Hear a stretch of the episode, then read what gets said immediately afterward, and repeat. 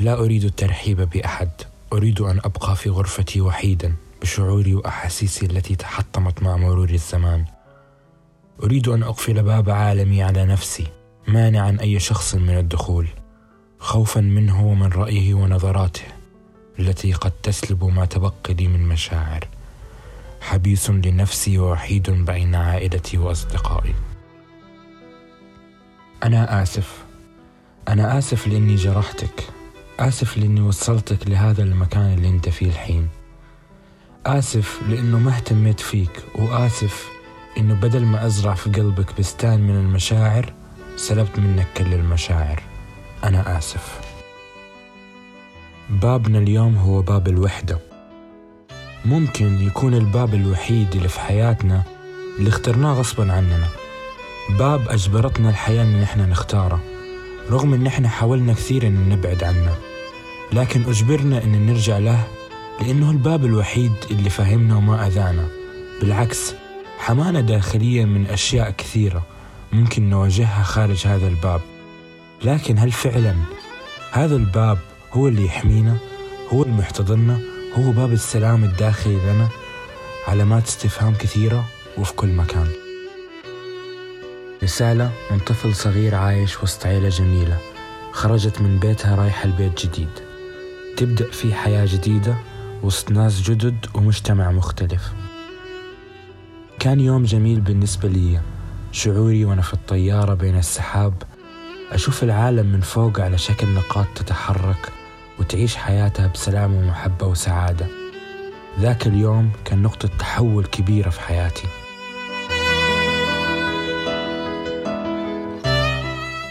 دخلت باب غرفتي والأول مرة. صار عندي غرفة خاصة فيني. أقدر أسوي فيها اللي أبي ألعب قدر ما أبغى. هي عالم الصغير اللي فيه. أقدر أكون أي شخص وأسوي أي شيء بدون حدود ولا خوف ولا حزن. كنت دايما أحب أتخيل نفسي في موقف البطل السعيد اللي دايما يدور عن حب الناس ومساعدتهم.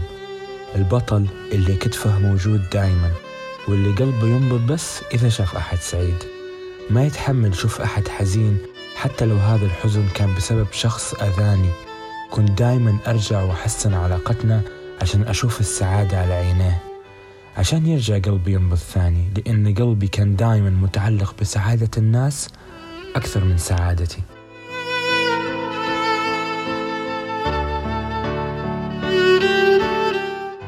لكن في اللحظة اللي ينفتح فيها باب غرفتي بعد ما كان مقفل علي كل هذه الأحلام تختفي وأرجع لعالم الواقع. أوقف على عتبة الباب قبل لا أخرج وأطالع غرفتي الجميلة وأوعد نفسي إني راح أكون هذا البطل في حياتي مو بس في خيالي.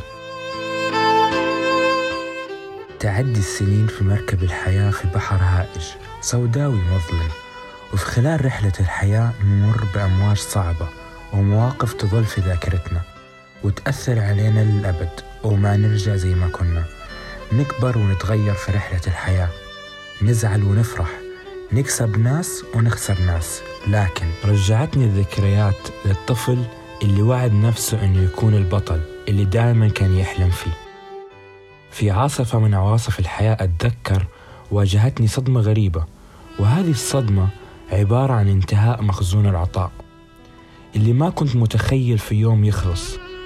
لكن تذكرت شيء إنه وأنا وأنا صغير في غرفتي تخيلي لهذه المواقف كان دائما يسلب مني شيء. ما كنت أعرف إيش هو لحظتها لكن كنت دائما أحس على قد محاولاتي اللي أسعد فيها الناس كنت أخسر أجزاء من نفسي. وهذه الأجزاء ما كانت مفهومة للطفل الصغير وقتها لكن لما كبرت وتعلمت وعرفت عرفت إنه هذا هو العطاء اللي كنت أخسره مع مرور الوقت لأنه كان من طرف واحد وصارت الكفة غير متزنة. كسرة قلبي في ذيك اللحظة خلتني أفقد حبي للحياة خلتني أتخلى عن حلمي وأنا صغير خلتني أكره كل شخص في يوم زرعت فيه حب وحنان واهتمام وكمل حياة بدون كلمة شكر على الأقل. في ذيك اللحظة كان لازم أدور مكان أهرب لي في ذاك اليوم لقيت نفسي أدق على باب غرفتي. الباب اللي كان دايما مصدر للأمان النفسي لي من العالم الخارجي. من وقت ما كنت صغير المكان الوحيد اللي مهما صار في الدنيا كان هو الوحيد اللي يحتويني رغم عيوبي وأخطائي. كان دايما هو ملجئي من هذا العالم. المكان الوحيد اللي أقدر ألاقي فيه نفسي وأخذ راحتي. وأتكلم وأعبر بدون أي خوف من أي ردة فعل من طرف ثاني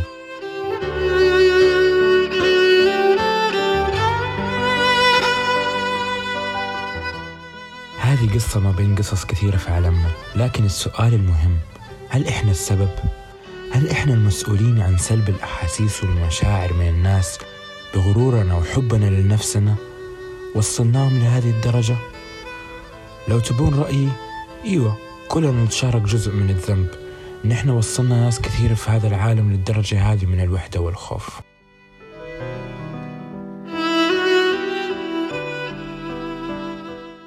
عدم تبادل الأحاسيس بشكل متوازن بيخلق عندنا عدم ثقة. لأن الحياة مبنية على العطاء والأخذ. سويت شيء كويس تتكافأ سويت شيء سيء تتحاسب. فعند حدوث اختلاف في هذا التوازن يخلق داخلنا عدم توازن أيضا. يجب علينا في هذا العالم تغيير أسلوب معاملتنا مع الناس. مو معناته أنك مريت بيوم سيء أن لك الحق تجرح أحد ثاني. مو معناته أنك معصب أن لك الحق أنك تصارخ وتقلل من احترام اللي أمامك. مهما وصلت حالتك من سوء مو من حقك أنك تقول كلمة فيها معنى مسيء أو جارح حتى من باب المزح. لأي شخص؟ لأنك لا تعلم ما تأثير هذه الكلمة على هذا الشخص. كم من كلمة لينة أزاحت هم وأراحت قلب وأسعدت قلب وكم كلمة طائشة دمرت. وما راح أتعدد في أنواع الدمار لأنه قد يأتي قبل أي كلمة تكتبها. دمار اجتماعي نفسي أسري وغيره كثير. عشان كذا فكر مليون مرة قبل لا تقول أي كلمة وحاول تحسب أبعادها على الشخص اللي أمامك أو حتى على نفسك لو اتقالت لك.